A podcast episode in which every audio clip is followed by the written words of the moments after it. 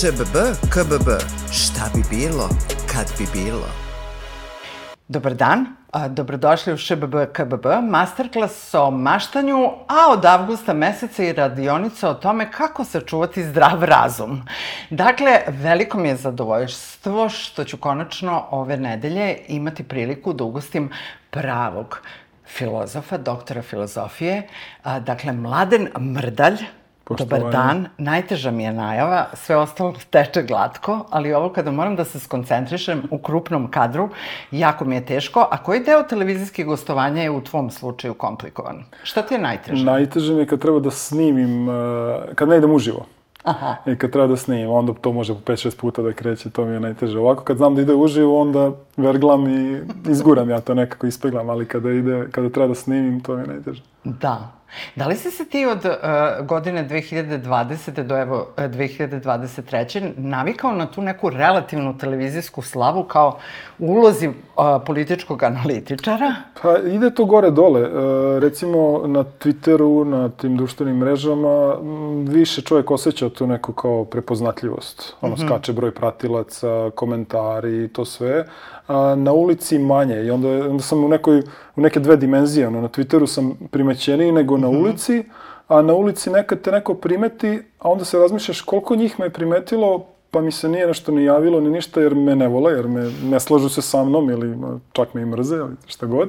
Desilo mi se par puta da sam dobio besplatnu kafu, ovaj, ali onda sam razmišljao koliko puta sam dobio onako neki pogled iza leđa koji je baš onako a, ne baš pozitivan i onda tako neki put pri, uhvatim sebe da navučem malo kačket više na ulici i onda kao šta glumiš pa nisi sad neki mislim nas političkih analitičara ima kukusih pasa tako da nije baš a, malo se lična psihologija tu otkrije ono, kada misliš da si važniji nego što jesi Da, ali moram da ti kažem, posle 33 godine rada u medijima, u raznim formatima, što na radiju, što na televiziji i tako dalje, evo sad na internetu, a, veoma često te ljudi gledaju čudno zato što ne mogu da te lociraju. Mhm. Ovaj, odakle te znaju i onda razmišljaju da li je ovo bivši dečko Da, moje da, da, čerke da. ili je moj komšija ili onaj neki što nešto ili je glumac. da ličiš na nekoga da te gledaju da Tako da veoma često ljudi od cele ove muke u kojoj živimo, slatke muke neko bi rekao, ovaj, a ljudi ne mogu da te lociraju u momentu i onda te malo čudno Da, da. gledaju jer kao, a ti misliš ili me voli ili me mrze u stvari ono lik pokušava da se seti Da. dakle te zna koliko su u stvari ljudi misle da se sve vrti oko njih samih. Strašno, da, strašno. Da, mora malo da se ono, vrati na zemlju čovjek. pa ne, živo istina. Pa jeste. Mi se nalazimo na planeti Zemlji, ti imaš impresivnu biografiju. E, ajde, okej, ja sam malo tu skeptičan po toj impresivnosti, ali ajde. Dobro, ali kad čovjek krene da gleda sve ove, te institucije u kojima si polagao svoje znanje, Ajde, okej. Rekao bi čovjek, ipak nije lako. Mislim, moraš priznati, doktor filozofije ne može biti svako. Da, da, ali samo to doktor filozofije, nisam studirao filozofiju. To samo tako piše, filozofije, doktor, nešto tako, ovaj, ali ja sam političke nauke studirao, tako da ima tu dodira s filozofijom, ali ne baš, ne baš um, onako debelog dodira, ovako više površno i sa strane. Čekaj, da li si ti jedan od onih ljudi koji ne znaju da prihvate E, kompliment? Ja, to je tek katastrofa, zato što jednom je neko rekao, odbiti kompliment znači tražiti da ga čuješ ponovo. I onda sad, nisam ja doktor filozofije, ali ako to ispravimo, onda će biti da se mi ubeđujemo kakav sam ja doktor. Ali ajde ovako da, da, da suzim. A, nisam ja nešto, mislim, stvarno, moja akademska ovaj, biografija nije baš nešto, nisam nešto objavio, nisam ni jednu knjigu objavio, imao nešto dva naučna rada u časopisima od neke relevantnosti. Nije to stvarno ništa, relativno to boza. Ali ono što mi je doktorat dao, to je da mogu da prepoznam ko je stvarno naučnik, a ko nije. I postao sam a, mnogo osjetljiviji na to šta je zaista em, kvalitetan rad, a šta nije. I šta je zaista mm, utemeljen rad u nekim izvorima proverljivima, šta je maštanje. I to mi je možda i najbolji, uh, najbolji profit koji sam izvukao iz tog mog doktoriranja i tog mlaćenja. A, pošto sam u Americi doktorirao, tamo sam nešto duže to radi nego u Evropi, tako da otišlo to nekih jače od pet godina. Ali mislim da mi je to sad najveći dobitak, da mogu da prepoznam otprilike šta je dobar izvor, šta je dobra knjiga, šta je dobar članak, a šta baš i nije. I na tome sam zahvalan jako. A sad ima još da se radi. Pa ti se ludo zabavljaš u zemlji lažnih diploma. Da, ma čak malo zavidim što, što nisam ja to otkrio, nego ovaj, neke, neke kolege, mislim iz Engleske najviše, ovaj Bane Radeljić i ova Miljana, jo, ubićeno zaboravim kako se zove, ovaj, pozdravljam ih. A, oni su to otkrili, ali šta mislim, nije to poenta, nego je poenta prepoznati i loš argument. Ne mora to mm -hmm. da bude diploma. Bilo koji argument koji čovjek iznese stav, ok, na osnovu čega to zasnivaš, gde su izvori, ko, ko je to rekao, može li to da se proveri ili ne može. I onda kad krene čovjek da kopa, vidi da tu um, ljudi iznose stavove bez nikakvog utemeljenja. Onda se pitam koliko ja tih stavova iznosim bez utemeljenja kad se okrene ta oštrica analize prema samom mm -hmm. sebi. Um, to je, to je, to je dosta ovako, kako kažem, onako, na engleskom humbling, ali -hmm. onako, vratite na zemlju taj, -hmm. taj, to pitanje, kao šta ti u stvari znaš. ovaj, to, da. to je komplikovana tema. Da. Ali čekaj da krenemo od, e, što bi se reklo, od detinstva. Ovaj, mm -hmm. A mhm. šta si ti, uh, baš sam vodila razgovor sa mojom mamom, koja te jako poštuje. a, a, rekla mi je da si super tip, super razmišljaš, ovaj, tako da a, što bi rekli, pozdrav moje mami. Da, hvala e, gospođi mami. Ovaj, a, I onda smo nešto pričale o to kako sam ja bila kad sam bila mala, bla, bla, bla. I, ovaj, i šta u stvari sam ja želela sve da budem kad porastem. Mm. A, od kasirke, privatnog detektiva do, da. tako imala sam ovaj, ali svakako ne ovo što sam danas. A šta si ti um, kao mali? Jesi razmišljao da ćeš o, budeš šta? Arheolog. Arheolog, da, da? Zbog Marti Misterije. ja sam obožao stripove kao klinac. Da. A, Zagor, Tene, Masterno. Da, da, da. Mis, sa Masternom sam proputovao ceo svet. Ovaj, ali zbog Marti Misterije sam hteo da budem arheolog, to mi je bilo ono, fantastično. I onda dok sam hteo da budem arheolog, umeđu vremena je počeo rat, raspad mm -hmm. države.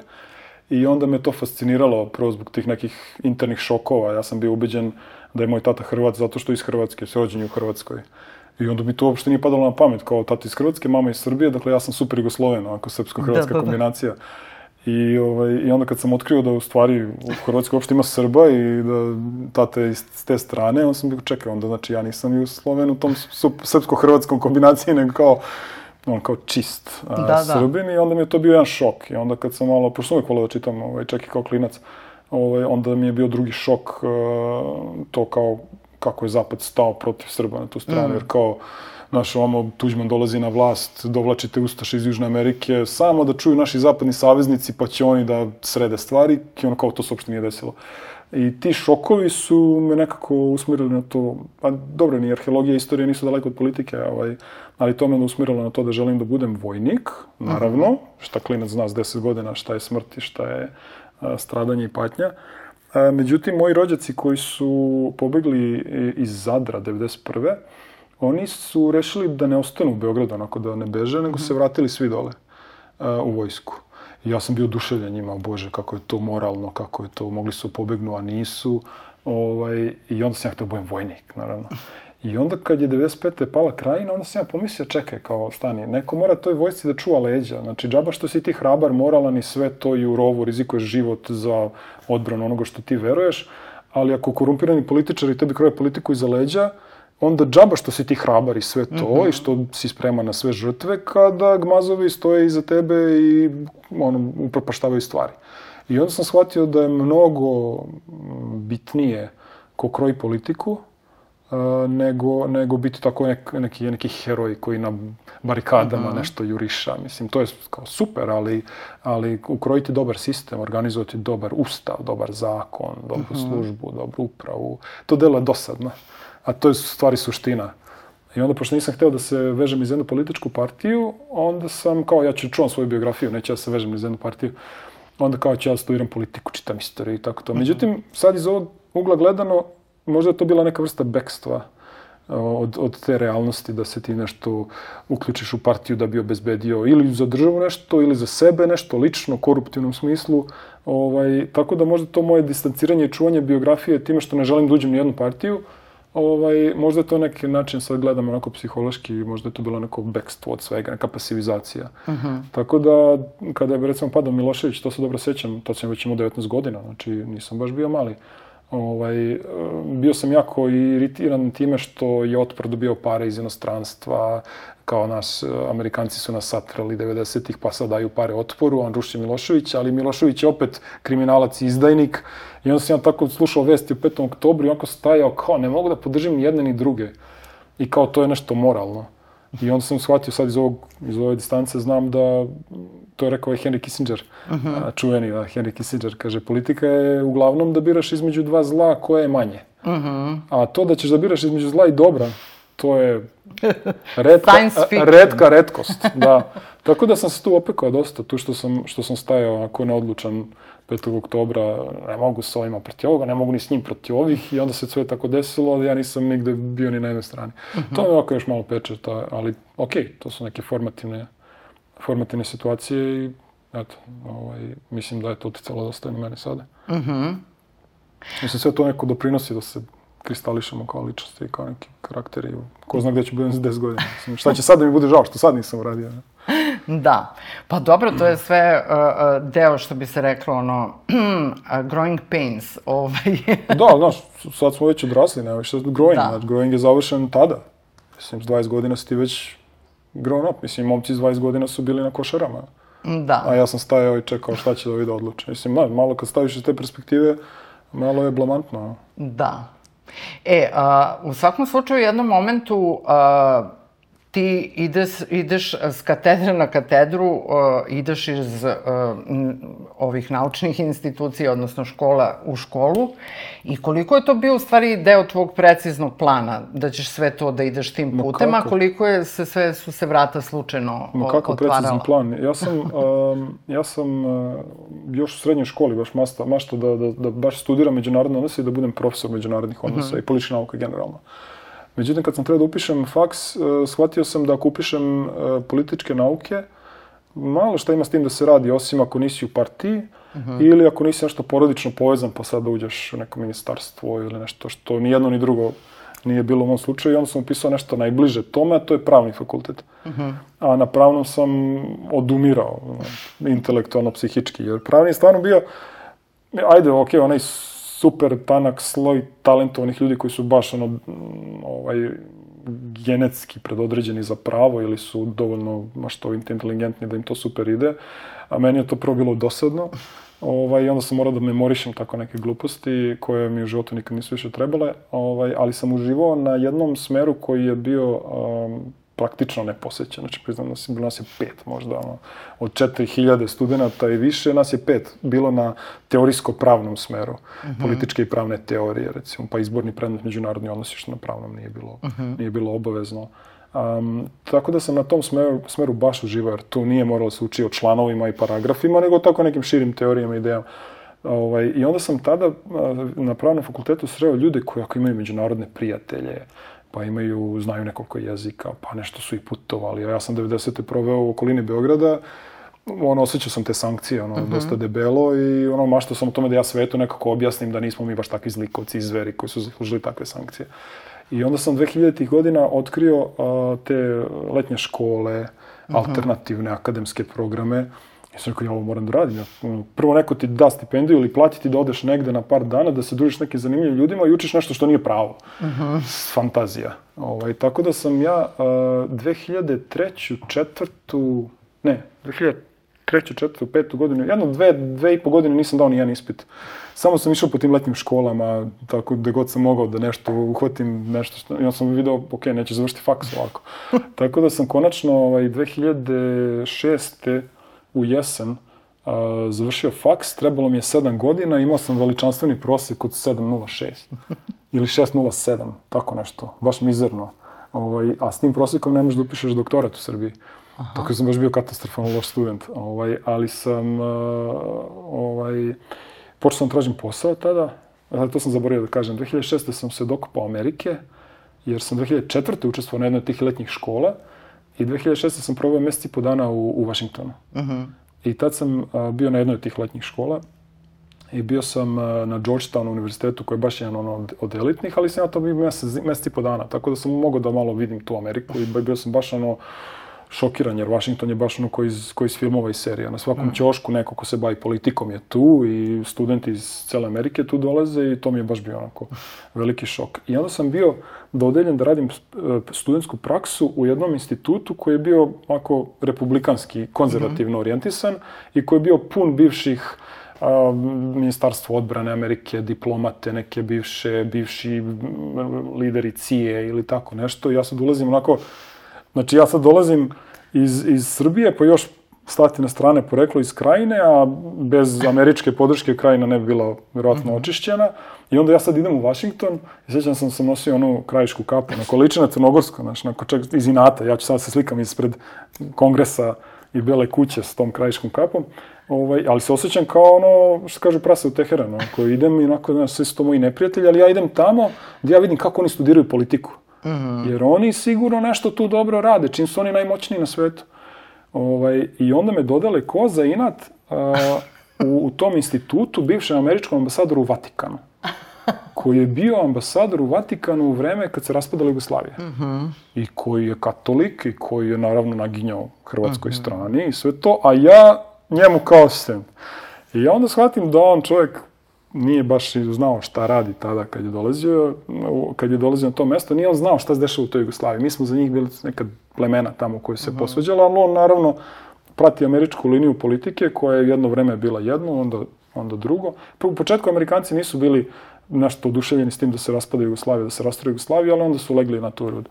I on je pratio politiku svoje kuće, ali zato što je katolik, onda je malo više naginjao ka Hrvatima. I onda ja sad moram da budem kod njega kao neki tu asistent, da čitam novine umjesto njega i da mu skrećem pažnju na...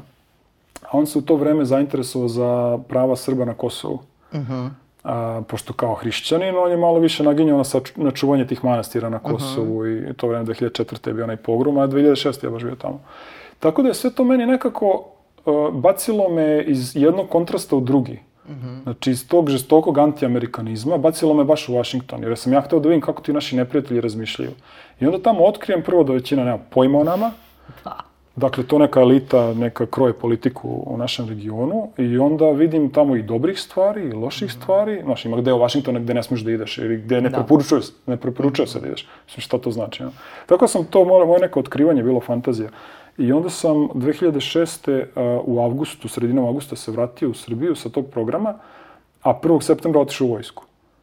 I onda sad u Washingtonu m, tih dana po tim nekim klubovima i tim nekim institucijama i sve fino i ono, Da, da. Na, na, na nivou, a onda septembar za dve nedelje kod Bubanj potoka nas vode da kopamo rovove, ono, ekipa sa, iz kasarne ide tamo. To su mi baš bilo onako, baš zanimljiva iskustva, ovaj, tako da baš sam tad, uh, tad sam naučio baš puno. I onda sam tu iz, iz, uh, iz vojske završio faks, i izašao, dok sam bio u vojsci, završio sam faks i onda sam upisao fakultet bezbednosti, koji je bio ono, žali Bože, ovaj, baš, baš loše. A, ali sam već tad nekako imao ideju da moram da, da pokušam, makar da odem na doktorat u Ameriku. A, prvo sam htio englesko, ali englezi su bili cicije, ne daju stipendije, ali, ali amerikanci su davali, a mislim ti američki fakulteti. Um, I sad ću objasniti zašto, zašto to ono, kod ljudi jedva čekaju da ti zalepe si agencije. Ovaj, a, I onda sam u martu izašao iz vojske 2007. i onda sam tražio posao. I nisam imao pojma ono, gde šta da radim i rešim ja, ajde, okej, ono što je najbliže mojim interesovanjima, prijavit ću se ja za BIU. Znaš, za špijunažu. Znaš, ali hoću da budem analitičar, neću samo sedim u nekom autu, pratim neke likove po ceo dan, jedan krofne, ono is. ovaj, nisam hteo to da radim. I onda prijavim se ja na taj konkurs i oni nas zovu. I odem ja gore na banjicu i nas je jedno 7-8 momaka, nijedna devojka nije bila. I tako, prvi uđe, posle 15 minuta izađe posle razgovora. A, drugi uđe 10-15 minuta. Treći, ja bio valjda treći ili četvrti, i ja uđem unutra i vidim ja da oni nisu baš nešto čitali naše biografije. Ovaj, I krene priča i sećam se, ja, ja nešto pričam, a, oni, on prolaze i kao, aha, ti si bio u Washingtonu skoro, kao da, bio sam, kao, pa šta si radio tamo, pa na institutu nekom.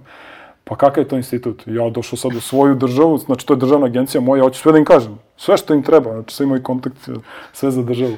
Ovaj, I rekao, to je bilo puno nekih diplomata, bivših špijuna, ne znam, ministarstva odbrane, ono, ja sam radio... Ambasador u Vatikanu. Da, ambasador u Vatikanu, ovo, ono. Illuminati. I sećam se dobro, sećam se dobro, ovaj što je čitao tu moju biografiju, bio je bio jedan čovjek, jedna žena.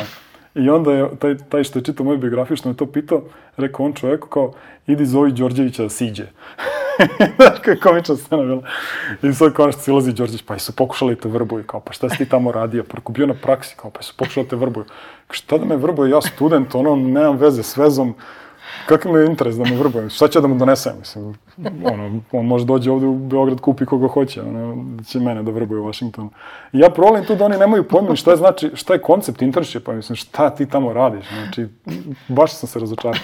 I ajde, priča se svede na to da ja njima kažem, ja hoću da se bavim analitikom, znači čitam knjige, pišem analize i hoću da odem u jednom momentu, bar na godinu dana na zapadne studije, uh -huh. da ja vidim kako oni studiraju politiku, jer oni nešto tu sigurno dobro rade, čim, čim ovaj su, baš bar u to vreme su delovali ono super moćno. I joj kažemo, zaboravi, kao nema šanse, kao možda odeš najviše, kao na par nedelja neki kurs u prijateljsku službu neku negde, ovaj, i ne može. I onda kao, pf, ok, onda ništa, izađem i posle kad sam pričao s drugarima, na telefon, kaže najboljem drugu preko telefona, kao, e, bio sam na razgovoru i neću da radim za njih. Ono, neću da radim za njih. Kako ga slušaju da znam da neće. Nismo nikad ni zvali posle. Pa dobro, ovaj, to, čuli su. Valjda su čuli, ja tako znam, ili su videli, sam se razočarao. Ovaj, tako da sam tu bio nešto nezaposlen i a, 2008. preko Facebooka, a da, radio sam u jednoj advokatskoj kancelariji pet meseci, ali u to vreme otprilike preko Facebooka upoznam jednu devojku, a, koja je tad bila u Bostonu i mi nešto se tu sbližimo i ono kao neka ono, romansa. Ovaj, I tad sam radio u, u advokatskoj kancelariji jednoj u Beogradu i ona umira od osade. I um, rešim da tad apliciram za doktorat. I taman pre nego što ću reći ovima u kancelariji da sam rešio da, da ovaj, odem kod nje na, na šest meseci, za to vreme da apliciram za doktorat, um, taman tad kad sam ja rekao ovima da, da odlazim, da dajem otkaz, ovaj, čujem šefa uh, kancelarije kako kaže nekom, eto, vi ste hteli da ja budem zlikovac, pa da ga ja otpustim, znaš, on sam otišao, jer su ljudi videli da mene advokatura ne zanima ništa, znači samo koliko mora da se odredi. Bili su super ljudi, ovo je stvarno. Živković Samarđić agencija, mm -hmm. pozdravljam ih ovom prilikom da su živi i zdravi ovaj, i nadam se da imaju bolje a, praktikante nego što sam ja. Mislim, to ne bi bilo teško. to nije lako. Nije teško da, da ima neko I stigo bolje. si ti u Boston? Ovo, ovaj, ja, da, tek smo sad stigli u Boston. Ovo, e, ovaj- ali moram nešto da te pitam, zato što uh, ja sam isto nekako čudnim sticam okolnosti 90. godine završila u Americi kao student fakulteta dramskih umetnosti na nekoj letnoj školi. Mm -hmm. To bilo je jako važno da nemaš još 21 godinu i da ne praviš da, tamo cool. nekakve da. probleme. Isto sam bila i u Vašingtonu i u Južnoj Karolini i u Severnoj Karolini i tu sam shvatila šta se tu u stvari dešava jer kao prolaziš pijacom robova i oni očajni pričaju, tu smo ih nekad prodavali. Ove, ovaj, ali to je bilo vrlo zanimljivo vreme za Ameriku. Išli smo na koncert Public Enemy, na prve mm. filmove Spike Lee-a. Tako da sam bila ključne godine u Americi i isto da, najbolja sam... muzika tada. da. da. I ovaj, na kraju se sve to završilo u Njujorku, kojim nisi smeo da se krećeš, ali Washington je ostavio onako baš dosta utisaka na mene, ali mi je delovao kao zatvoreni grad sa španskim delom koji je bio izuzetno živa, živ, a ovo je sve bilo zatvoreno. Mm -hmm. Ove, ovaj, te ne možeš da prođeš, te će ovaj sad da prođe, te će ovaj da dođe i Washington je meni bio strašno dosadan. Ali posle toga sam puno puta još bila u Americi, ali a, tri su mi želje da vidim Boston, Baltimore i New Orleans. Zato mm. što nekako, ok, ovo New York, LA, San Francisco, sve sam to videla, nekako je bila tamo. Mislim, jako je seksi i zabavno, ima puno priča i ostalih stvari, ali Baltimore zbog serije uh, Wire, odnosno Žica, to je mm. jedna od najboljih serija ikada snimljenih. Da, Baltimore je strašno opasan grad. Tačno. Najveći I stopa ovaj, ubistava. Da, da. Baltimore je jedan jako zeznut grad i nije čudo da se tamo Edgar Allan Poe rodio i živeo. Tako da to je to. A Boston sam zavoljala kroz neke paralelne, isto tako neke ne baš visoko budžetne filmove, dok se nisu u celu priču ušli Ben Affleck i Matt da, Damon, da, pa su poskupeli. Da. Ali Boston je bio jedan o, o, od onih, kada gledaš filmove koji se dešavaju u Bostonu, kapiraš to da su u Bostonu, ali nemaš ništa da razumeš. I ono što je meni jako zanimljivo jeste da ti, kao neko ko dolazi, ovaj, a, kako si mogao da se navikneš na njihov jako specifičan akcent? Čak Jack Nicholson kaže da mu je mnogo lakše da igra bilo koji akcent, da mu je naj teže da savlada sleng i akcent ljudi u ovaj, Bostonu.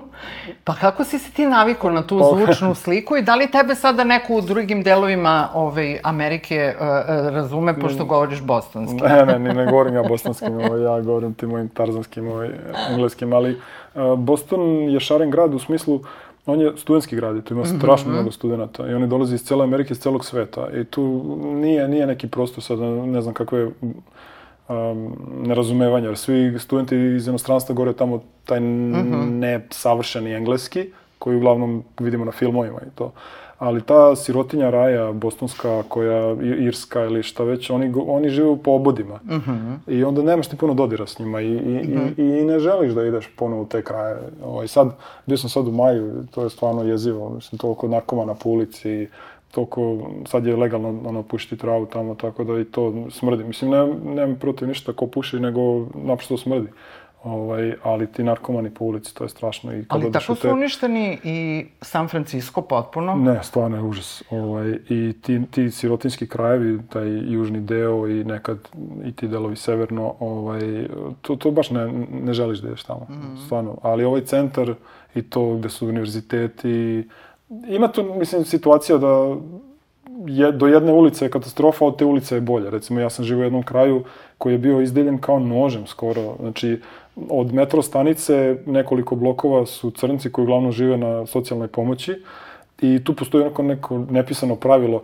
Mi koji idemo iz metro stanice trotuarom ka našim stanovima tamo koji su u, u toj latino četvrti ili, ili, ili malo dalje, drži se trotoara, nemoj da praviš ono kontakt očima ni sa kim, nemaš problema. I onda par puta kad sam išao tako vidiš krv ono, na trotoaru, ko zna ko su tu izbao ono prošlu noć ili tako nešto, mislim baš jezivo. to su ono projekti, ono zgrade, svi su nagurani tu kao kokošinjce.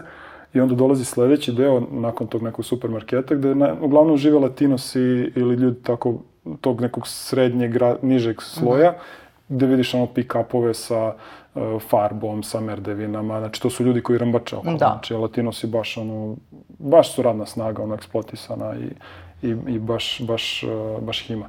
A, I tu onda slušaš njihovu muziku i vidiš non stop zastave Portorika ili tako nekih A jedeš njihovu hranu, što je Jedeš njihovu predivno. hranu, da, onda imaš i naravno kineske restorane i to sve od one rupe u zidu, što se kaže, pa do nekih onako malo boljih. I onda kako se približavaš jednom jezeru, pošto tamo je puno tih nekih jezera, Mhm. Malih, onda tu dolaze ono veliki travnjaci, bele, velike kuće, to su par miliona. I tu je baš bio jedan grčki, grčka bogoslovija bila iznad, tog, iznad tog jezera i dole, dosta naših sveštenika tamo ovaj, išlo, išlo u školu. Um, tako da ja sam samo tokom svoje šetnje prolazio kroz tri različite e, sekcije sa tri različita života koji se tu žive. Tako da Bostona i ostatak Amerike, to je vrlo šareno, ne možemo mi da, ih, da, da, ih, da ih sve strpamo u isti koš.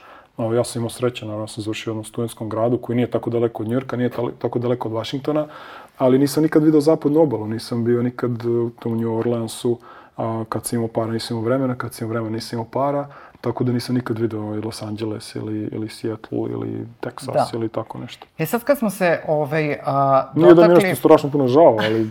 A dobro, ima vremena, život je pred Istočnu tobom. obalu sam dosta video, da, istočnu obalu sve do Majamija dole. A, to sam, to sam sve Da, prošao. dakle ti si East Coast. Pa da, mislim, čak i ono što se 90. godina rap muzika kad je Da, bila, da. se ja naginjao na East Coast, na Ice Cube. Ice Cube sad luduje po internetu ovaj, No, nisam pratio. sa svojim političkim vizijama. Ovaj, a, dosta je zabavan. Ice Cube, pozdrav za tebe. I- East Coast, ne? E, e, kada dolazimo sada do toga da svako ko je pogledao nekakvu vrstu segmenta programa u kakvoj su muci ti veliki e, gradovi i o čemu se tu radi, uglavnom e, oni gradovi gde su demokrate gradonačelnici, ovaj, gde policija više ne funkcioniše, gde taj, mislim, fenitol ili ne znam kako se zove ta nova droga, 20 puta jača od heroina za 10 dolara dnevno, ove, i pritom oni grade te šatore, skoro pa gradove Da, da, na da. ulicama i ovaj, tako da se dešava onako jedna kako bih rekla, distopijska verzija velikih gradova i sad flash forward dolazimo do Beograda gde gospodar univerzuma uh, je prisvojio, Orwell ima 94. On je sad prisvojio 2027. i ne daje ono nikome. I a, pritom ja zaista mnogo volim da filozofiram, mnogo volim da slušam neke pametne, mudre ljude koji mnogo drugačije misle, pa jedni od drugih drugačije misle i tako u tom nekom obilju različitih mišljenja i ja nekako svoje mišljenje ne držim baš dresirano, nego puštam da malo i divlja, što mislim da je važno, da, Da, nekako nemaš neke zatucane stavove kojih se kao Da, da. ceo život mislim. Ok da navijaš za jedan klub ceo život, ali mislim suštinski Da, da. moraš da se menjaš jer se sve oko tebe prosto menja. E, i ovaj, sada, evo da pređemo na o, a, aktuelnu temu, dakle 2027. Sučin, što mene neviđeno zabavlja, jer u Sučinu žive dva zaštićena svedoka, odnosno Bagzi i Čume, ovaj, to su živi svedoci manje više što su saradnici, ali prosto mogu da svedoče tome kako je ova država postala kartel, jer su jedan deo faze, što bi rekli, narkos, neka sezona bi mogla da se tiče Da, da, njih. apsolutno. I sad kao, okej, znači on pravi sad taj kao neki gistro, lažni ekspo, ovaj, u Sučinu, ni manje ni više. Um, I kao imaš pogled na dva zaštićena svedoka u celom tom Surčinu, ovo imaš i nacionalni stadion, a pritom se je sve to 2027. Znači, ta kriza velikih gradova, to sve što se tamo njima dešava, doći će u jednom momentu u nekom obliku i do nas, je sve došlo do nas u nekom obliku. A kad slušaš te, to jest kad slušam te pametne ljude, oni su svi u fazonu do 2025. možemo da nešto predvidimo, ali kao niko se od njih ozbiljnih futurologa, filozofa, vizionara ne usuđuje da daje bilo kakve prognoze za život posle 2025. Pa želim da te pitam koliko je sumanuto da ti planiraš nešto što će se dešavati 2027. a da mi pritom uopšte malo ko može da predvidi šta će da se desi do jula sledeće godine. Da, moraš da imaš neku, neku ideju vodilju, ali a, Vučićeva ideja je da on, a, mislim, koje, koje društvo je najlakše kontrolisati? Ja? To je Da. društvo koje je najlakše kontrolisati je naprosto ono gde imaš sve medije pod svojom kontrolom, svu ekonomiju pod svojom kontrolom. Znači, to društvo ne znači da je dugovečno, nužno, ali ono se najlakše kontroliše. Sad, da li se ono najlakše kontroliše pa će da kolabira za pet godina ili za deset, to je druga stvar. Ali a, društvo koje je najlakše kontrolisati je baš to gde kontrolišeš tokove misli i tokove novca. I on sad, pošto skoro praktično kontroliše tokove misli, a, on sad skoro praktično kontroliše sve, praktično kontroliše skoro sve tokove novca i to njemu daje osjećaj stabilnosti.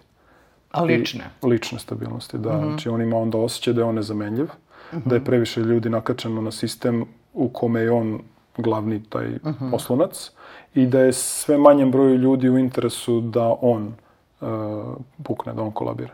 Znači tu imamo sad taj... To je taj, njegova sigurnost, to je njeg- njegov plašt. Da, da, u, u smislu bez mene nemate ništa, bez mene nemate sistem, bez mene nemate, nemate ko će da vam deli kolač, tako da vam je svima bolje da imate mene i ja ću da vam podelim kolač. I sad tu dolazi do, do problema, ovaj, pošto um, taj sistem može da bude stabilan neko vreme, ali to je sistem koji nije sposoban da efikasno, da žilavo se prilagođava menjanjem okolnosti, menjanju okolnosti. I sad ako se međunarodne okolnosti menjaju, a, tebi treba opet e, fleksibilnost, prilagodljivost. A, u- unutra, recimo, okolnosti se menjaju, ljudi se iseljavaju. Da. Znači, dolaze imigranti. Kako će da se reguliše imigracijona politika? Kako će da se integrišu ti imigranti? Hoćemo li da ponovimo greške Francuske a, ili Belgije koja je getoizirala te neke Da, da. imigrante, nije uspela sve da ih, da ih asimiluje, odnosno da ih nekako integriše, ne nužno samo asimilacijom. A, koja je naša imigracijona politika? Ne u smislu, aha, fali nam radnika, dovešćemo radnike. E, gde će oni da žive? Da li će oni biti skoncentrisani ili će biti raspršeni? Kako da ih raspršiš? Da li da dođu sa malom decom ili samo mladi momci u punoj radnoj snazi?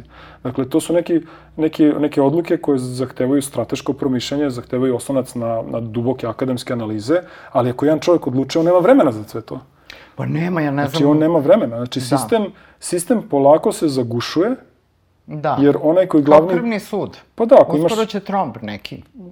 Znači, pre ili kasnije sistem e, mora da, da, da atrofira, jer, jer jedan čovjek koji odlučuje, znači da je sistem e, monocentričan, tako kažem, znači on, on, on nema e, sposobnost e, spontanog prilagođavanja, nema, nema mogućnost u, u, u, oslanjanja na šire, na šire tokove misli, na neke kritičke misli, na neko ko će da objavi, ne znam, naučni rad koji je relevantan, koji može da utiče na nekoga da promeni mišljenje o, o toj, recimo, imigracionoj politici. -huh. ok, fali nam radnika, jel nam fali radnika? Vidimo da nam fali radnika, ok, znači treba da uvezemo radnika, odakle? gde će da žive, Mhm. kako će da dođu, s kim će da dođu. Znači, to su ozbiljna pitanja. A to je samo jedan segment nacionalne politike. Mini se. Apsolutno, znači nacionalne politike, a gde je tek šira naša nacionalna Da. politika, gde je energetska nacionalna politika, gde je nacionalna, je etnička nacionalna politika u smislu odnosi unutar države, odnosi sa regionom. Ali to što, što on hoće to sve da preuzme na sebe, što je sumanuto potpuno, Pa nije, ovaj, nije sumanuto, da li je... nije sumanuto iz njegovog ugla gledanja. Znači, on hoće da se pozicionira kao faraon jedne države, kao jedan, jedan apsolutni lider, pošto on donosi taj mega projekat, a, ne znam, Tito je donosio, ne znam, Đerdap ili šta već, neke Ali mega Tito ima projekte. ekipu u sebe.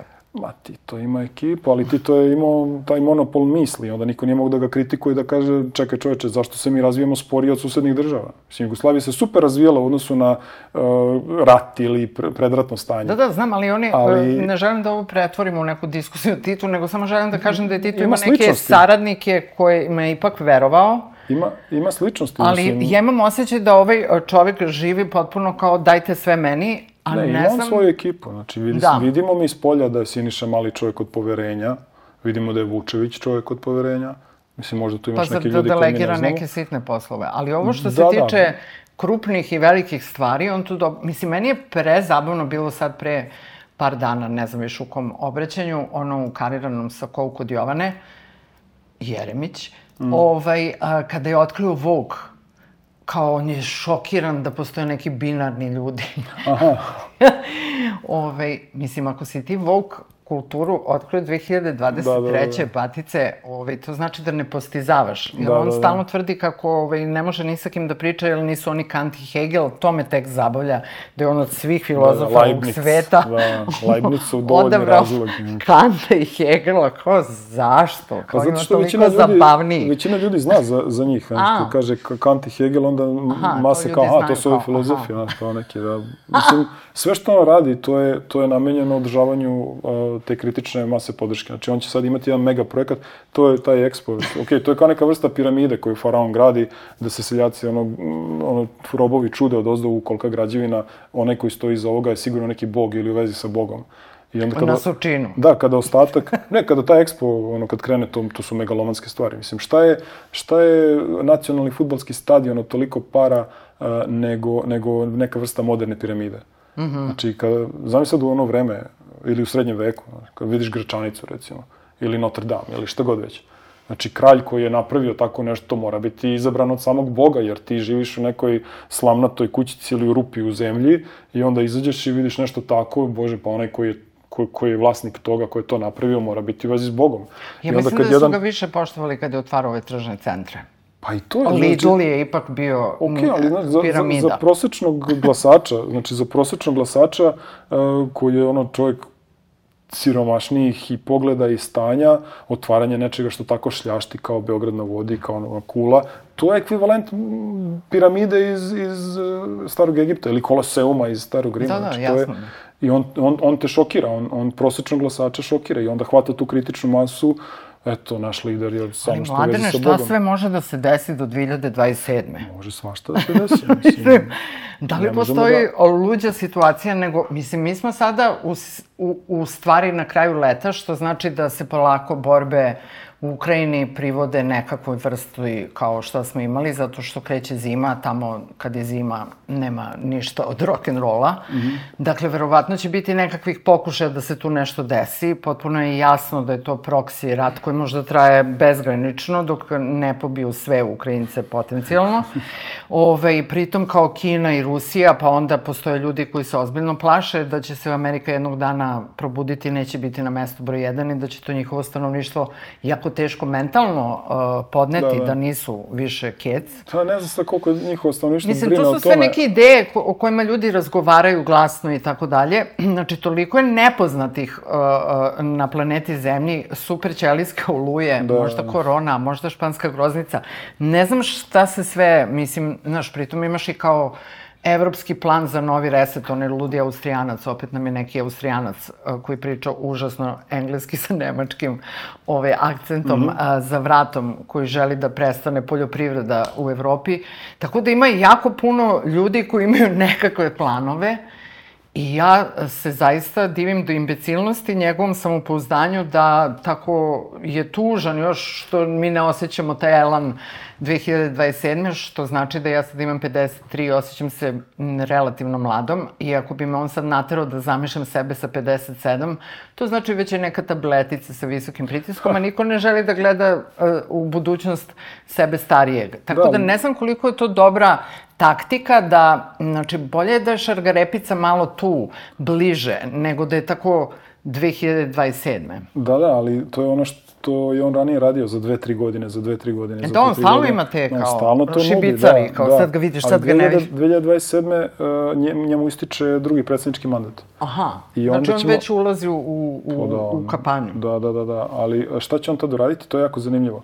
Znači on ima dva, dva izbora. Jedan je da Nadam pokuša... se dupli salto ili pa, nešto tako. E, znaš kako, pro, ja mislim da je problem, ja mislim da je problem njemu što ako ostane ovakav uh, izborni sistem, ako ostane ovakav izborni sistem za predsjednika, onda će 2027. morati da kandiduje nekog da bude predsjednika. Pošto se predsjednik bira direktno, onda on mora da pravi kampanju za neku osobu koja treba da na nacionalnom nivou a, odnese pobedu.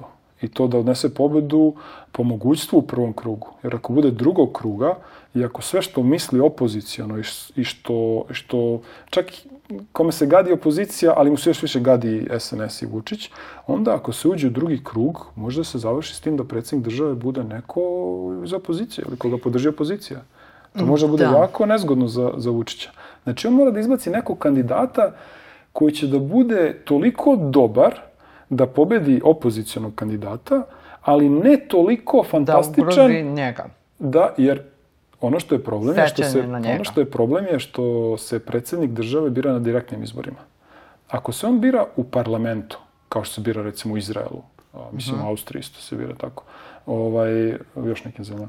Ovaj onda predsednik može da bude izabran u parlamentu, da niko to nema pojma, ni ljudi znaju ko je predsednik države. Neki Pera Perić izabran u parlamentu bez puno pompe, uh -huh. međutim, pošto se predsednik bira na, direktnim izborima, on mora da ide po televizijama, mora narod da se ono, hajpuje da. za, za njega ili za nju. I onda ako taj predsednik osjeti da je za njega ili za nju glasalo on 2 miliona ljudi, pa čekaj, ono ko, imam ja pravo nešto da, znaš, pa onda sa pozicije predsednika treba sledećih pet godina ta, ta osoba da izde neke komande, da nešto mm -hmm. upravlja, da nešto se pita. Male su šanse da to ne bude neko ovaj, ko, ko neće poželeti veći deo kolača. Mm -hmm. I sad je Vučić na muci. Šta da radi 2027. A zato je on toliko obsednut tom godinom? Ja mislim da da. Ja mislim da da. Ovaj, uh, I bar, bar dobar razlog je to. A, onda Vučić može da kaže ovako, ajde namestit ću Ustavni sud, pa da Ustavni sud kaže ovi promene Ustava što su bile sad ove, mm -hmm. prošle godine, a, tako se restartuje brojanje mandata. Znaš, pošto eto, promenili smo neke odredbe Ustava, pa sad Ustav od početka broji, pa ovo nije moj drugi mandat, nego je ovo moj prvi mandat. Pa će onda onda se kandiduje 2027. da ponovo bude predsednik. Ili, ili, ako pokuša da nađe neke, neke naivčine u opoziciji, pa da onda zajedno sa opozicijom izglasa takve promene Ustava, da se predsednik bira u Skupštini, a da, a da on onda može da postane premijer. I onda on lepo skloni Anu Brnabić, ili ko će već biti tada, tada premijer, a, ako ona neće, ovaj, i onda on postane lepo premijer tada, a predsednik države bude neki ono, nebitan lik. Uh mhm. -huh. I, onda, I onda on tako je prespojio. On uh -huh. stoje na vlasti, a nije dozvolio da mu se pojavi konkurencija. To će biti jako zanimljivo kako će on da hendluje kraj svog, svog drugog mandata. Ali ti imaš osjećaj da je on jako dosadan čovjek?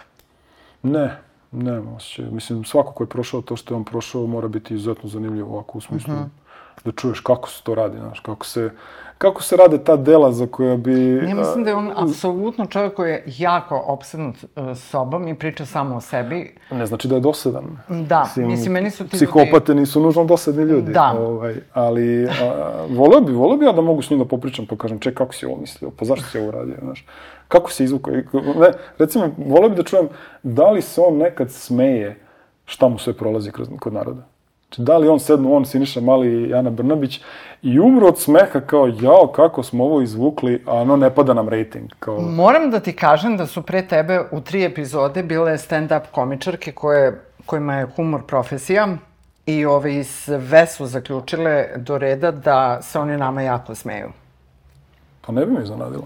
Ja mislim da kad dođe do tog nivoa osjećanja moći i svemoći, ovaj, da to izla, i, i, i rađa i neku frustraciju i rađa i neki, neki osjećaj ovaj, ko, komedija, neki kom, ovaj, Da. komičan. Ono. A da li postoji neka mogućnost... Znam se oni sakriju dva minuta od cele države sa snimka, sa one rampe i ono ispsuju novinare koji za to pitaju i ono dođe kao, kao opet nam kao ne pada nam rating, aha, kao genijalno, kao šta A ćemo čekaj, da li je to kao, to, to je ideja vodilja, kao uh, samo ujutru dajte mi liste rating i to je to. To je to. I tako će izgledati moj dan. To je to. Mislim, tako bi demokratija, demokratija je trebala tako da dovodi do, do dobrih e, efekata, da političari koji mogu da budu loši ljudi, da boreći se za rating, rade nešto dobro za narod da bi im rating bio visok. Međutim, malo smo razmišljali o tome da borba za rating ne mora da znači a, borba za bolji Dobro. standard, nego borba za bolji medijski spin. I to jednom kad sam bio baš s Vukom Jeremićem sam jednom a, pričao i baš smo na tu temu nešto pričali, a pošto sam ja bio radio za njega jedno vreme i onda sam ja njemu rekao ne mora političar da bude popularan samo onda kada daje neke, neke dobre benefite kao za, za građane, da, da, da građane što žive bolje. Dokle god jedan političar daje narodu dobru priču, dobru, dobar narativ, ono, dobru bajku koju narod veruje, oni će ga prate. Znaš, Da. Mislim, narod je, znaš, Hitlera su mnogi sledili do kraja, verovali su u tu priču. Mi sada patimo za neke buduće generacije. Znaš, ono, Tito vodi one svoje partizane po onim klancima gore, oni ginu, ali oni veruju u tu priču. Doduše, ono možda misle ako se predamo streljiće nas odmah, ovaj, to je isto neki motiv. Ali dokle god ljudi veruju u neku priču, spremni su da pate. I ta ideja da pad životnog standarda ili, ili neki dramatičan ekonomski kolaps ili šta već će da privuče narod na stranu opozicije, nije garantovana. Sve dok Vučić može da im kaže, kako je zezno penzionere, e, vi ste vašom žrtvom i odricanjem, kad smo morali ono da vam smanjimo penzije, vi ste spasli Srbiju. I onda taj penzioner koga je svako zaboravio i koji je ono samo pred TV-om, onda on kaže, ej, čekaj, ja sam svojim odricanjem spasao ovu državu, znači moj život ima smisla.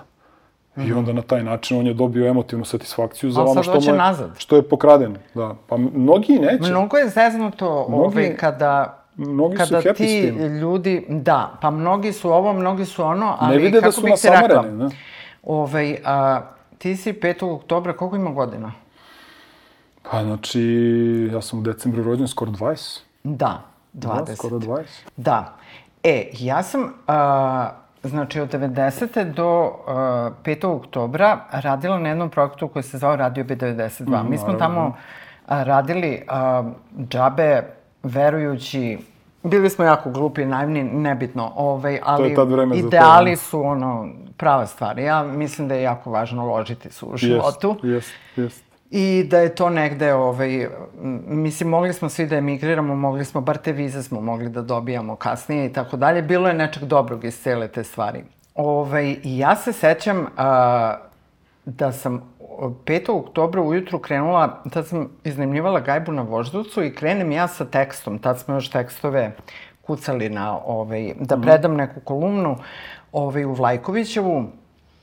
I ne mogu da dobijem ni jedan prevoz, nema ni taksi, nema ničega. Ja krenem peške s voždovci, vidim onako gomilu ljudi i ja se frapiram. Pritom smo mi svaki dan bili na ulicama, stalno su bile neke demonstracije, dođe pet ljudi, dođe 50, dođe ovo, posle završimo sve industrije. Nebitno, je, nemaš više tu kao, znaš, kao, to je toliko svako, deo svakodnevice tvoje.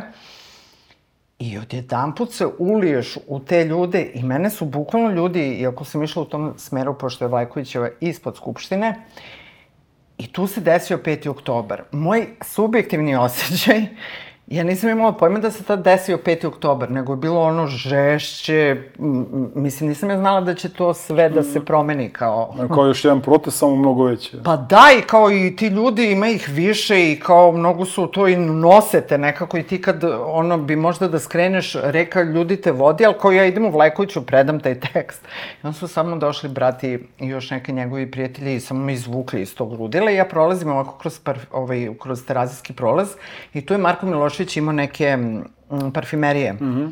I shvatim da je ono, da su mu upali u parfimerije i jedan viče Luna, voliš crveni kar, pa, ovaj, karmin? I ako da, i ovako mi stiže u naručje ovako, ja sam 5. oktober provela sa 30 max faktor crvenih karmina, bez svesti da je to išta promenilo, razumeš? Mi smo se posle našli ku, bile su dobre demonstracije danas i onda smo shvatili da je pao sloba. Da, da, da. Ti kada si u toj vatri, nemaš ti tu kao vrstu analitike i ne znam šta. Tebe događaji nose jedan za drugim. Da, da. I to je došlo, niko da, da, da si izvršio anketu, niko od nas ti ne bi rekao da će 5. oktobra išta da se desi, nego se tako to vuklo, teglilo, mm. gomila ljudi to kao, da. ma oni će slobu do kraja. Međutim, desio se neki Ne, dobro, ljudi su planirali, ljudi Da li su misliš spremali. da je moguće da znači, sada isto tako, kao što se desilo ovog majske tragedije, pa je to bilo Mm. kao, da ljudima u stvari treba samo neki šlagvort da bi krenuo pitchways. Ne, neko mora da organizuje, to, to, to mora Mhm. se organizuje, to ne vreme da to može spontano. Da, i to mora da se sprema. Ali ono što je problem, za razliku od 5. oktobra, je što on ima, Vučić ima pomoć Ne, polja. da se razume, ja ne bih voljela da opet ima 5. oktober, zato što opet ne bi bio 6. oktober. Ja bih voljela da se ovo sve izvede Pa, mislim, jako... Ne bi volio ni da Vučić bude na vlasti, ovaj, ali... Da, ali, da, nego ali, ne bih voljela taj tip uh, tog ludila da se desi ponovo, zato što bih Pa, voljela da malo neko razmisli, promisli, da ipak bude sve to pametnije. Da, da, ali poenta nije u Vučiću, nego u tome da će opet doći neki novi Vučić. I onda džaba smo krečali. pa da. To je, to je znači sistemski problem. Nije Vučić e, kriv kao Vučić, problem je kako je sistem dozvolio da neko takav zauzme toliku vlast. Da. I da je toliko zloupotrebljava. Znači, naš problem je sistemski, a ne, ne Vučić kao Vučić. A da li ti misliš da smo Ovaj- mi kao narod zreli? Pa, ja mislim da jesmo. Ili smo ovaj, kao neki tinejdžeri? Ne, ne, ja mislim, Nezreli. Ja mislim da, da, ja mislim da jesmo, ali, ali e, mislim da je naša elita zakazala. Mislim da je naš narod e, generalno bolji nego što je naša elita. Dakle, elita, šta mislim po tim? Znači, intelektualna elita, pre svega. Znači, ljudi koji stvaraju ideje, ljudi koji treba da se angažuju društveno. Mislim, uključujući i mene. Mislim, ja sad već, e, ono, ajde kao počeo sam na medijima, više se pojavljam 2020. Ali mislim, šta ja generalno radim? Idem, idem okolo i smatram. I, pa da, ali ovi ljudi neki su se bacili u politiku, mislim. Ja mislim da to može bolje, ali zašto, znaš, imam ja sad svojih A što nekih... ti ne uđeš u Pa politiku? zato što mislim imam neke svoje lične stvari da rešavam, a i sad sam sve više svesniji da bavljenje politikom u Srbiji, ako čovjek ozbiljno želi da se bavi politikom u Srbiji, to znači nošenje glave u torbi. Znači, da bih stavio glavu u torbu za nešto u što verujem, imam neki taj možda, eto, neki os- ono, ostatak nekog patrijarhalnog, a možda i nije patrijarhalno, možda je to nešto naprosto biološki, ono, ljudski. Ono, kao radije bi da ono, imam, ono, nekoliko dece, pa da onda ako stavim glavu u torbu nešto ostane iza mene, što može da, eto, kažemo, da nastavi familiju ili nastavi neki, neki biološki gen, ne znam šta, kako da stavim to, znaš, kako da to objasnim, to je neka psihološki, psihološki moment. A da se ovako baviš politikom, a da ne smeš da, da kažeš sebi da ne smeš da, da, da ideš do kraja u smislu, ok, imamo na vlasti ljude koji krše sve demokratske procedure, znači imamo neku de facto tiraniju na vlasti, Da. maskiranu, maskiranu izborima. Šta to znači? To znači da mora da se, da se bije protiv toga, pa komupanci i komubaci, znači glava u torbi. A ako to nisam spreman da uradim, šta onda ja sad idem tu nešto mašem? Išao sam ja na proteste, išao sam i ono kad je bio na Davimo Beograd zbog, zbog uh, Sava Male, bio sam sad kad su počeli ovi protesti, ali generalno ako ne postoji ta svest da je ili ili, znači ili mi ili diktator, džaba se baviti politikom onda. Mislim, džaba. Imam taj neki osjećaj možda sad zato što sam ono prešao 40. godinu pa sam u fazonu da treba da se on čovjek a, produži gen, znači da, da ostavi neku decu iza sebe, pa da onda se bavi politikom. Možda kad deca dođu, možda će biti u fazonu, ma boli me ovo, važno sam s decom, selim se za Grčku i to je to. Ovaj, možda će i to, mislim, nemam pojma, ali mislim da je blamantno ovaj, em, da, da, da se bavimo politikom, a da nismo spremni da, da nosimo glavu u torbi. Neki ljudi jesu, svaka čast, ali mislim ne vidim operacionalizaciju toga. Da. I možda nije vreme, možda i treba biti pametan. Znači, ako vidimo da njega podržavaju stranci i da definitivno naći će izgovor za bilo kakvu ono, gaženje demokratije i čak i zavođenje diktature ovde, onda možda bolje da promislimo šta je bolja strategija. I mislim da je u tom smislu, uh, pisao sam o tome i govorio sam o tome, ali opet uh, nisam toliko bitan da to svi znaju, ovaj, da, da nisam, ne mogu toliko da dobacim. Mislim da opozicija ne koristi uh, referendum kao uh, metod mobilizacije širih masa. Ili ljudi koji ne žele čak ne budu nešto opoziciono nastrojeni, recimo i aktivisti koji su gurali ove proteste. Referendum je moćna stvar zato što uh, pod uh, referendumsko pitanje mogu da, da se postave neke stvari koje su strašno bitne za građane i taj referendum mogu da podrže čak i ljudi koji podržavaju Vučića. Recimo, ja sam baš pisao o tome da referendum o izbornom sistemu može da mobiliše ljude. Sad, dosta ljudi misli, ja, izborni sistem, to je dosadno. Mislim, svašta je dosadno, ali kad se, tom, kad se stvori hype, onda ljudi mogu da stanu iza toga.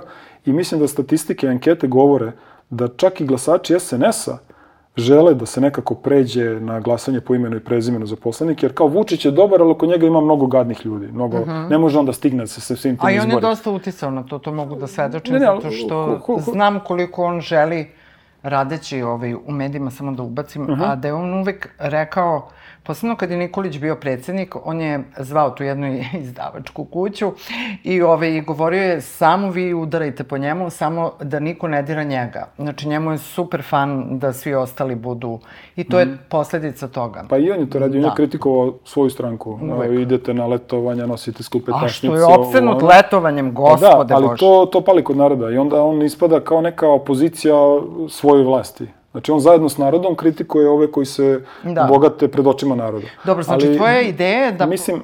Izvini, pošto smo skoro pred Da, kraj. da, sve okej, okay, sve okej. Okay, Ovaj, um, dakle, da se referendum ubaci u ovu igranku, zato što anketni odbor ništa od toga, Ne, pa kako- hajde instrument Ovaj- uh, da bude referendum. Da, recimo, referendum, ako nije o većinskom sistemu, neka bude o monarhiji, neka bude o bilo čemu što Vučić ne može da uzme, da preuzme kao svoju priču. Recimo, narod neće litijum, Vučić izađe kaže nema litijuma i šta si ti postigao? Ništa, on je ostao na, na stabilnim te nekim medijskim osnovima.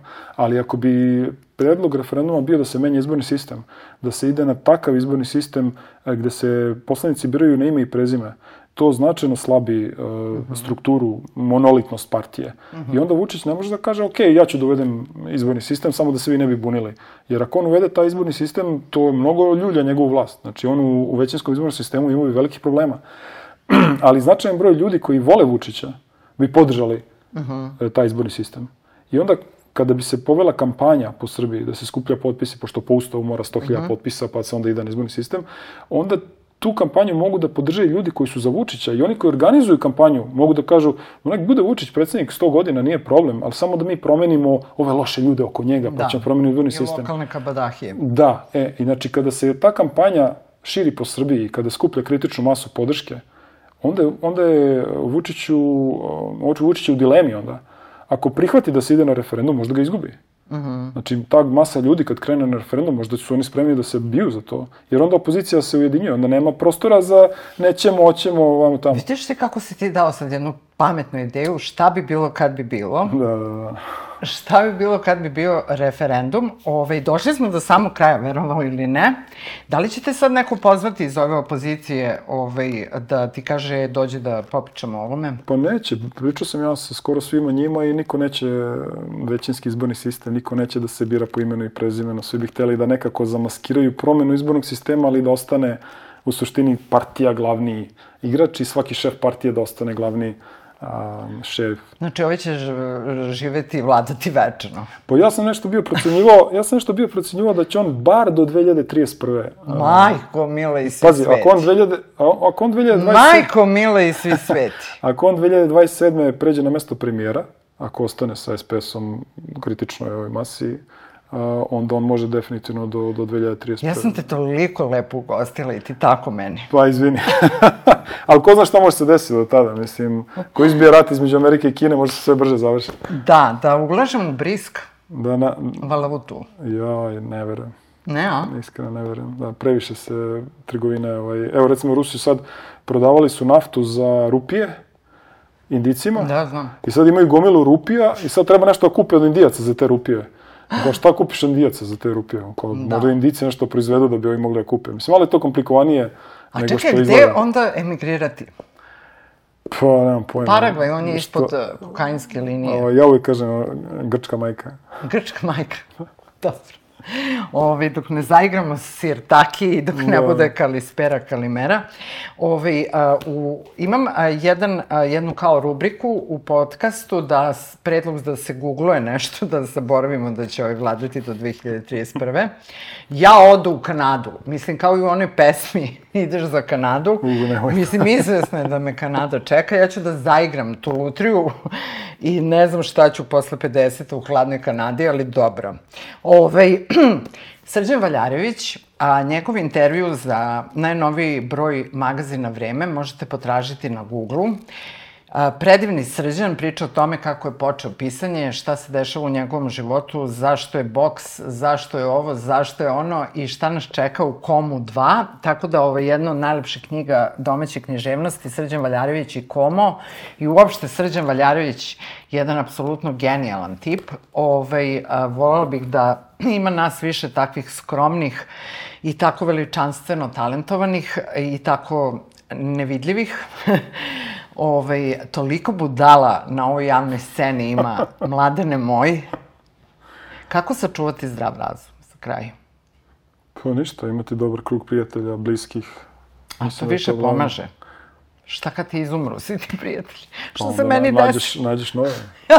Mislim, bez, bez Do, bliskih dokle više, prijatelja... da, taj eskapizam, to vežbam ceo život. Ovaj, znaš, ja imam 53 godine. Ovaj, znači, dobar deo života, Sloba Milošević, najlepši deo mladosti, ovaj, a sad ovaj Vučić mi se u- odjedanput stvorio tu i ne može da, iz, da, da ga Da, čovjek čuo sam pobedi. skoro nešto od kolevke pa do groba, malo Vučić, malo Sloba. Da, da, da, pa kao. Pola Vučić, pola Sloba. Pa kao. Možda je to moja sudba, kleta. Pa dobro, mora se živi pored njih nekako.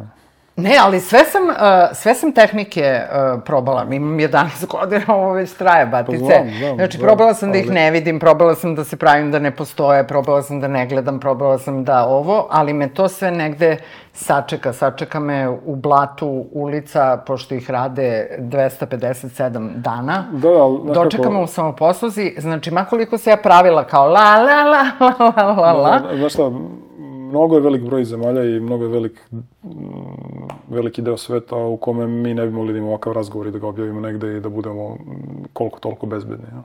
Da. Znači, mnogo veliki broj ljudi u svetu niti ima vodu, niti ima struju, niti ima dovoljno da jede. Malo I zaboravljamo tu sam na to. taktiku prošla. Ne znam, malo, malo zaboravljamo na to, ovaj, ali, ali nisam ja, ni- nije to nešto što meni sad kaže ne treba se bunimo protiv Vučića. Nego kažem, može da se živi i dok se čovjek bori protiv njega, ovaj, a kad bude stani pani, onda, onda se vidi, Da. vidi od čega smo. Mislim, malo je blamantno da mi koji živimo u državi koja je imala kakvu takvu demokratiju i kakvu takvu državu još pre 100 godina, Da. da nas sad gledaju okolo oni koji su tek dobili države i sad oni nas nešto gledaju kao nižu rasu zato što imamo jednog lika koji se nakači i ne može nikoga skine. Da. Mislim, malo blamantno prema nama. Čoveče, kakav parazit. Ne znam kako ćemo se rešiti. Ja sam mislila da ovaj ćeš doneti neku dobru. Kao laži me, laži, laži referendum. me. Znate, ja voleo sad ove lidere Dobro. opozicije da ih zoveš i da, Ajde. da objasne zašto ne može referendumska kampanja protiv Vučića. Zašto to još nisu pokrenuli? E, znaš što to sam bi voleo samo da mi neko objasni. da ti kažem nešto što sam pri, primetila, ovaj, pošto ja od skora uh, sam se uključila ponovo u televiziju i baš je gledam ono, i gleda ona mene i gledam ja nju. I ovaj, shvatila sam da Vučić ima jednu slabu tačku. Nije to ni Ćuta, ni ovaj, ni onaj, nego Ponoš. Da li sam u pravu? Zašto on toliko se malo ima neki tik kada... Pa nisam siguran, ja nemam te osjećaj da je Ponoš njemu, njemu slaba tačka. Mislim, Ponoš bi mogao da bude, ali mislim da, mislim da nije iskoristio momentum. Mislim da je sad zastao dosta sa, sa tim momentumom. Misliš da ga nije ima. uznemirio ovo sa vanrednim? On stalno njemu odgovara, iako ga e, direktno Da, ne da, proziva. Vučić ima, Vučić ima neke, neke medijske taktike, znači on možda, on, on zna da svojim prozivanjem diže profil nekome. Znači, ako on može da sad izvuče nekog ko zaista ono, slabo stoji u opoziciji i on ga sad nešto proziva i onda ljudi obrate pažnju na tu osobu i na taj način on postaje nešto bitan i na taj način razgoreva sukobe unutar opozicije. A koliko je stvarno doprinosi. toliko veliki maga, koliko mi projektujemo da je Pa on je angažovao, angažovao je neke, neke izgleda ono, kvalitetne stručnjake iz inostranstva, ovaj, priča se o tim Izraelcima, nekim Amerikancima. Hipnotizerima. Da, ali nemoj zaboravimo da Vučić brusi ovaj zanat 30 godina. Znači on 30 godina ide po Srbiji, vodi kampanje i onda ti jadni ljudi iz Srbije kad on pomene neki zaselak kod nekog sela, oni misle jao koliko on brine o nama, on zna sve naše krajeve. Pa zna zato što vas farba već 30 godina ide okolo, u svaki budžak je zašao, poznaje svaki budžak u Srbiji, ne zato što je išao tamo da pomaže, nego išao da vas vabi za glasove. I na taj način on ono što je u stvari negativna stvar, što ceo život jedino što radi to su kampanje, on je sad to pretvorio u pozitivnu stvar. Ono, prosječan čovjek misli, Vučić zna svako selo u Srbiji, zašto puno brine o nama. Da. Mislim, Ja ćeš gledati Napoleona? hoću. Hoću, gledao sam sad Oppenheimera i, i gledat ću i Napoleona. Preporučujem. Da. Velika preporuka. Jeste, Ridley Scott stiže u naše živote sa Napoleonom. Ko je gledao Barbie, super, blago njemu. Ovaj, Oppenheimer, um, ja ću sačekati da još malo zahladi, pošto baš atomske pečurke u krupnom Nolanovom planu. Ovaj, ne bih da mi ostanu zauvek, ali zato rezervisala sam svoju kartu za Napoleona, jer svakom diktatoru klopka dođe glave. Da, a do tad ko živ ko mrtav. Završimo u pozitivnom tonu. Ovo je bio mladen, filozof, koji me dosta zabrinuo, ovaj, a ja vam želim sve najlepše. Tebi želim ovaj, da te neko angažuje sad odmah posle ove da. epizode i da kaže daj batice te referendum, a doviđenja prijetno, sve epizode su na nova.s YouTube kanalu i na portalu nova.rs. Živi bili pa videli se sledeće godine, sledeće nedelje.